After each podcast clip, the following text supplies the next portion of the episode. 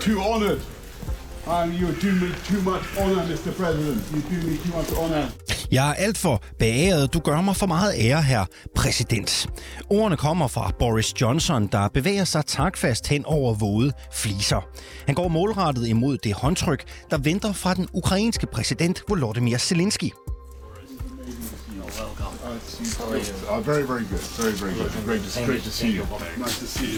Vi er i Kiev i en regnværsdag i slutningen af januar.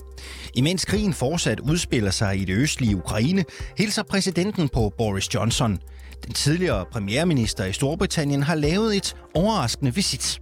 Well, I can tell you that the, the UK will be sticking by Ukraine for as long as it takes. And we will be there for, for the long term. And we will also want to be helping you to reconstruct. Du lytter til konfliktzonen, hvor vi i dag ser nærmere på Johnsons charmeoffensiv. Vi spørger først og fremmest, hvad Boris Johnson egentlig laver i Kiev. Han er jo ikke længere premierminister. Og hvorfor han alligevel lover ting på vegne af Storbritannien. Jeg hedder Alexander Vils Lorentzen. Velkommen til konfliktzonen.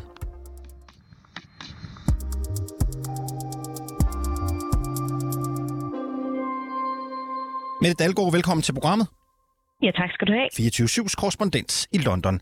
Som jeg beskrev i introen, så fik øh, Boris Johnson en statsledervelkomst i Ukraine for nyligt. Øh, men det er der måske ikke noget, der umiddelbart retfærdiggør. Han er jo ikke statsleder mere. Det har han ikke været i Storbritannien siden 6. september. Så hvad i alverden lavede han i Ukraine, Dalgaard? Jamen, øh, hvis vi tager hans egne ord for gode varer, så vil han rejse til Ukraine for at vise sin støtte øh, til landet, der jo er i krig. Og i et ikke særligt kritisk interview på Talk TV her i øh, Storbritannien, som han lavede efter han har været afsted, der kaldte han sig også for Ukraines fodsoldat.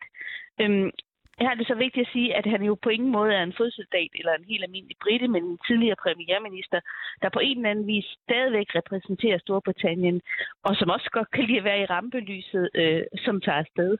Øhm, og så skal man også huske på, at Zelensky og han har et nært venskab, og, og den her tur, den er, de jo, den er de jo på en eller anden måde blevet enige om, øh, at de begge to godt kan se mening i at arrangere, selvom Boris han ikke længere er øh, premierminister.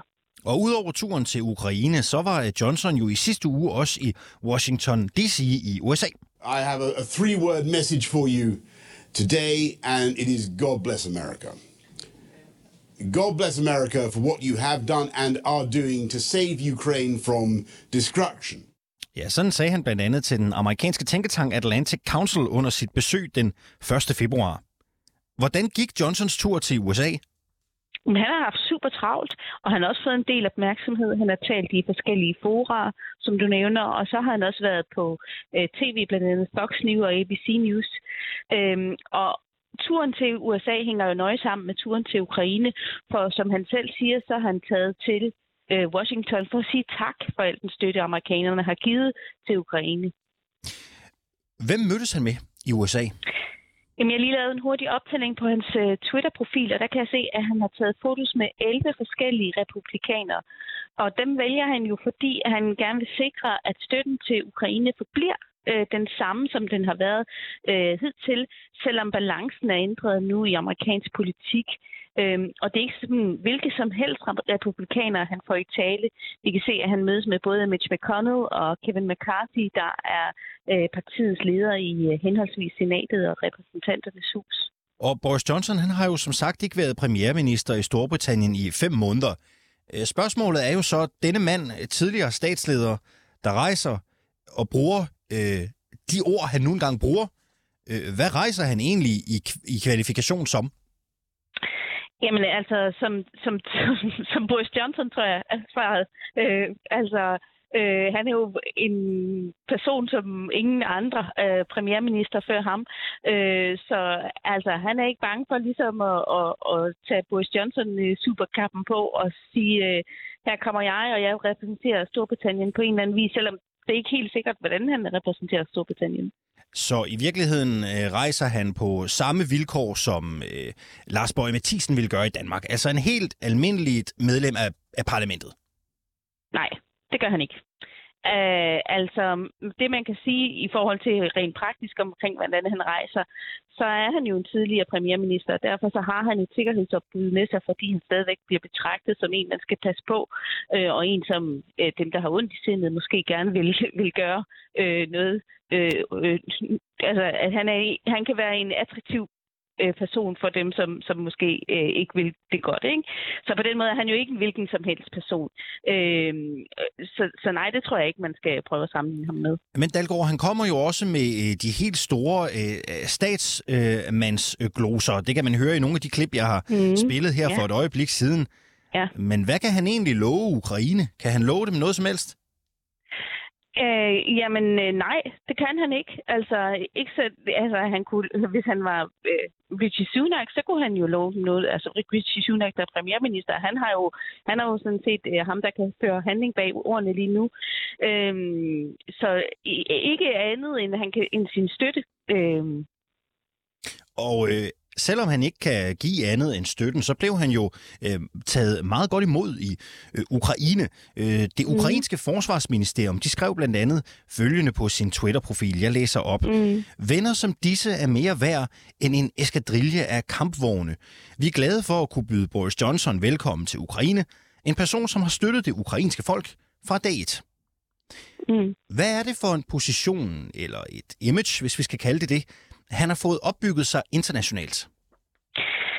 Jamen, altså Boris Johnson, han indtog positionen som Ukraines eh, topallierede, da krigen brød ud i februar sidste år. Og nogen har endda sådan omtalt engagementet i Ukraine som hans Churchill moment.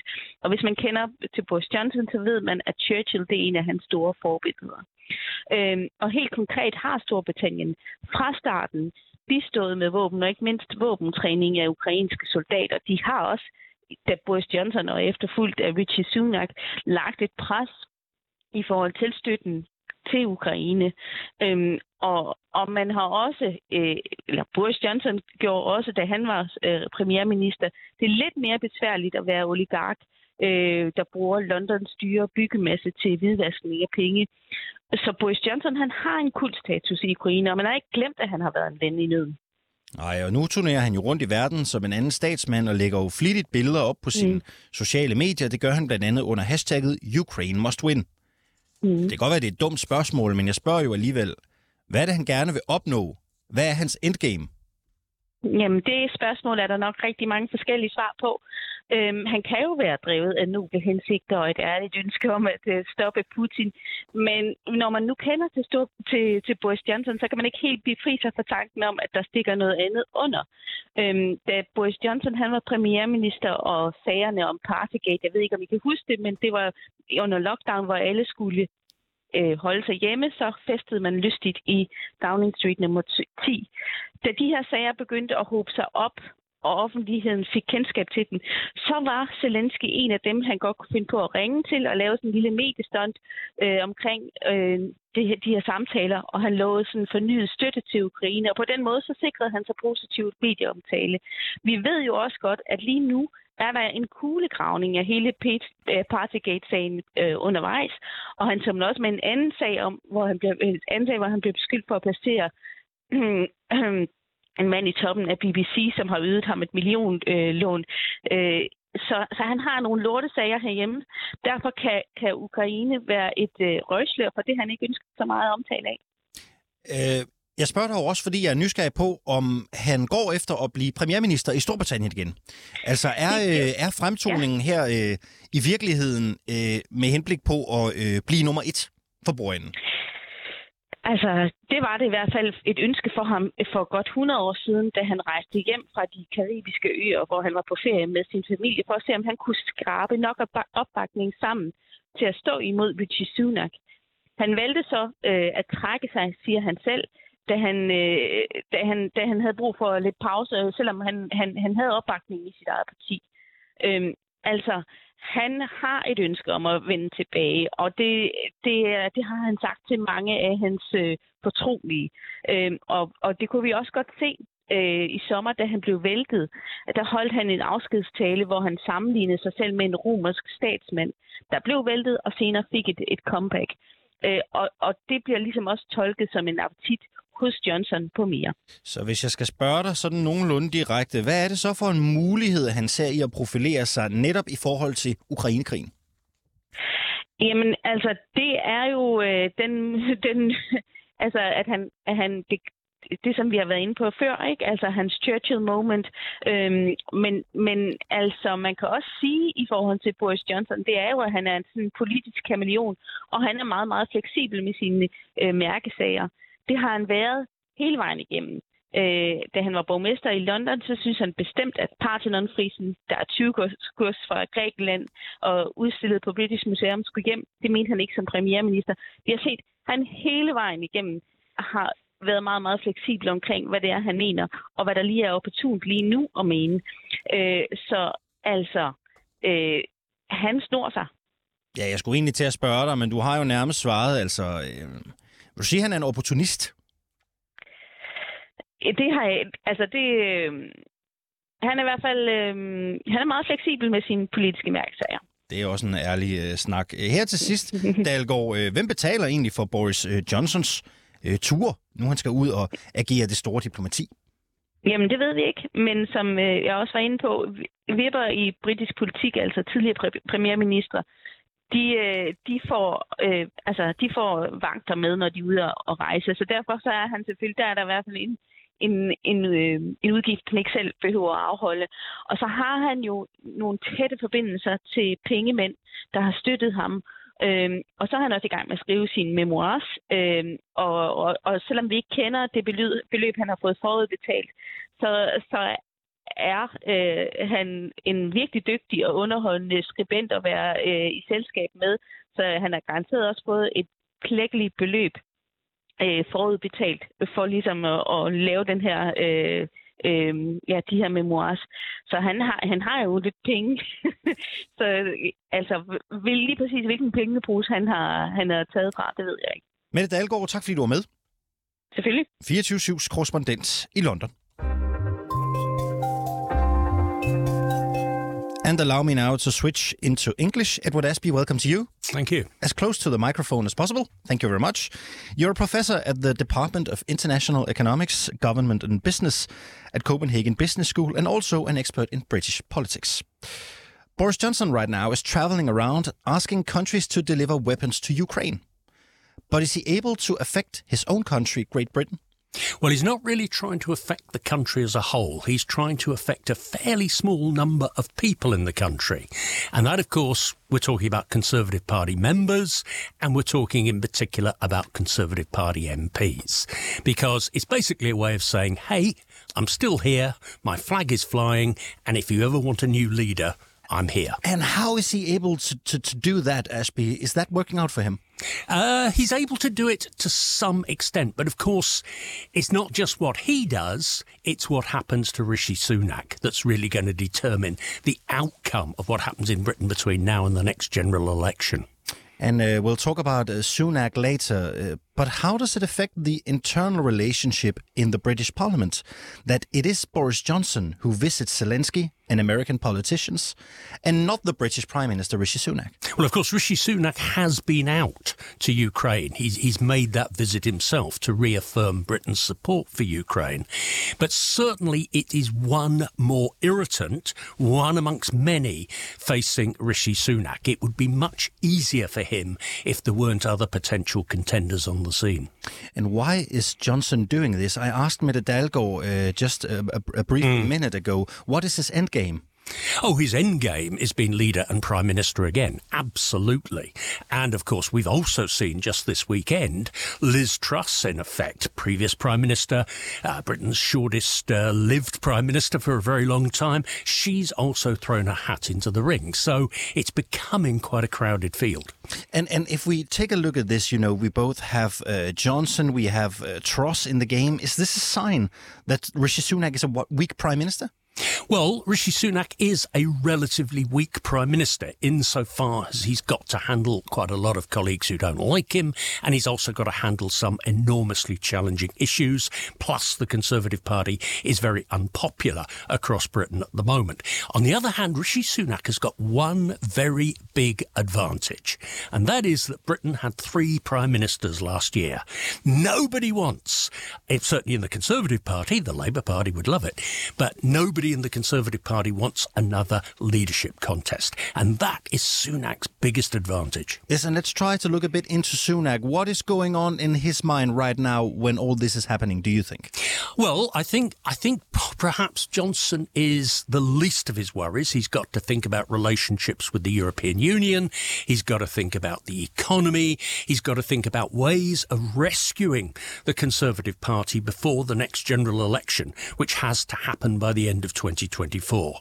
Now, the suggestions are that he's probably going to target the immigration issue because he seems to be relatively weak on the economy. He seems to be relatively weak on foreign policy in many ways. So immigration is likely to again come to the forefront of British politics.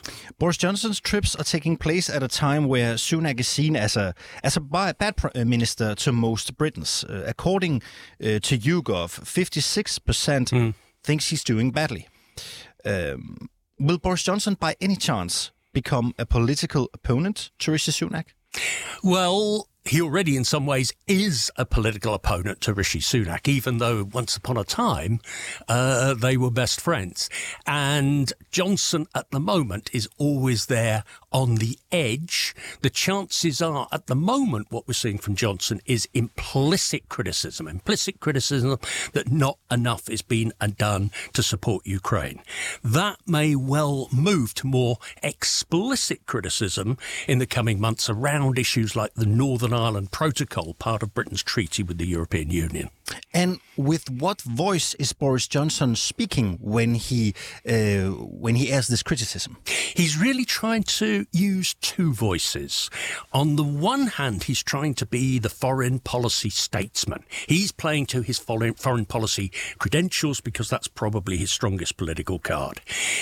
At the same time, there's a populist underbelly to what he says, where he hopes to get in ordinary conservative supporters who really are disenchanted with what they see as establishment politicians.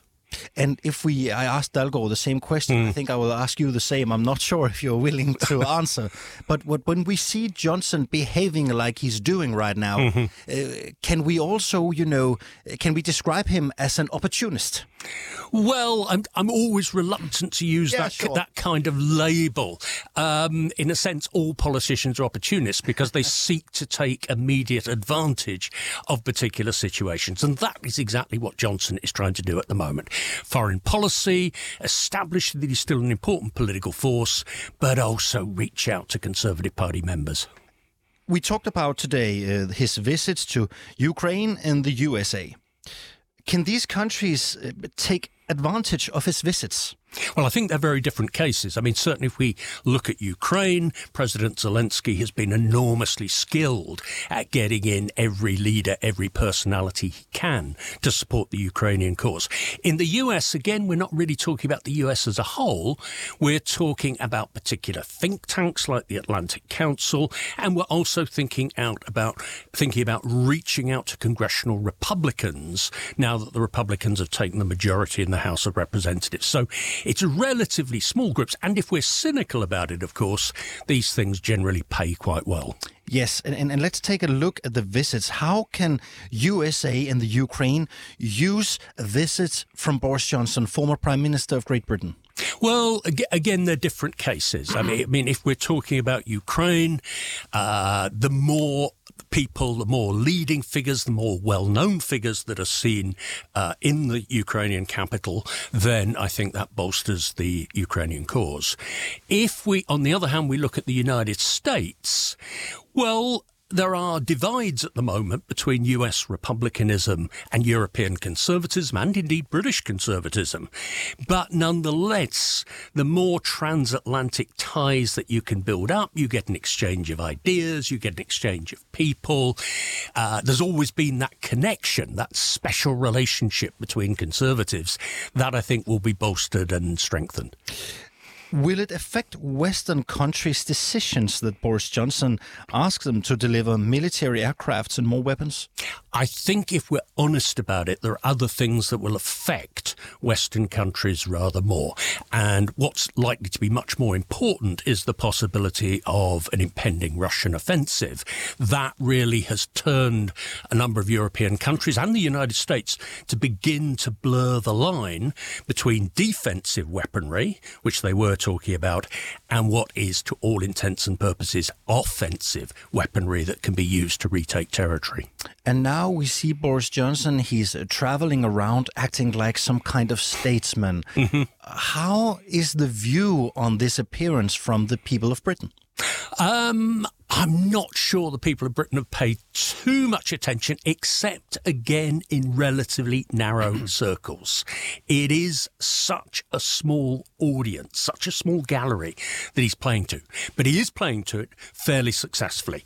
Boris Johnson continues to have a kind of star quality that a lot of other Br- British politicians simply don't have. And we and when we talk about Boris Johnson, uh, the relationship between European countries and Ukraine, what is most important to look after in the coming time? If we ask you. Um, I think, I mean, certainly if we look at it, it's going to be uh, the strength of the commitment. Now, Boris Johnson, while he's been in the US, has made a call for Ukraine to be admitted to NATO. Now, that raises a whole some number of questions, and I mean, that is simply not going to happen because that would mean war between uh, the West and Russia. So that isn't on the agenda. But nonetheless, to some extent, we are in the credibility, the believability game here. And clearly, it is very much to Ukraine's advantage if the Russians accept and believe that there is an unswerving Western commitment to support Ukraine. Edward Ashby, thank you so much for joining us uh, this morning. Thank you. Professor at the Copenhagen Business School and also, of course, an expert in British politics.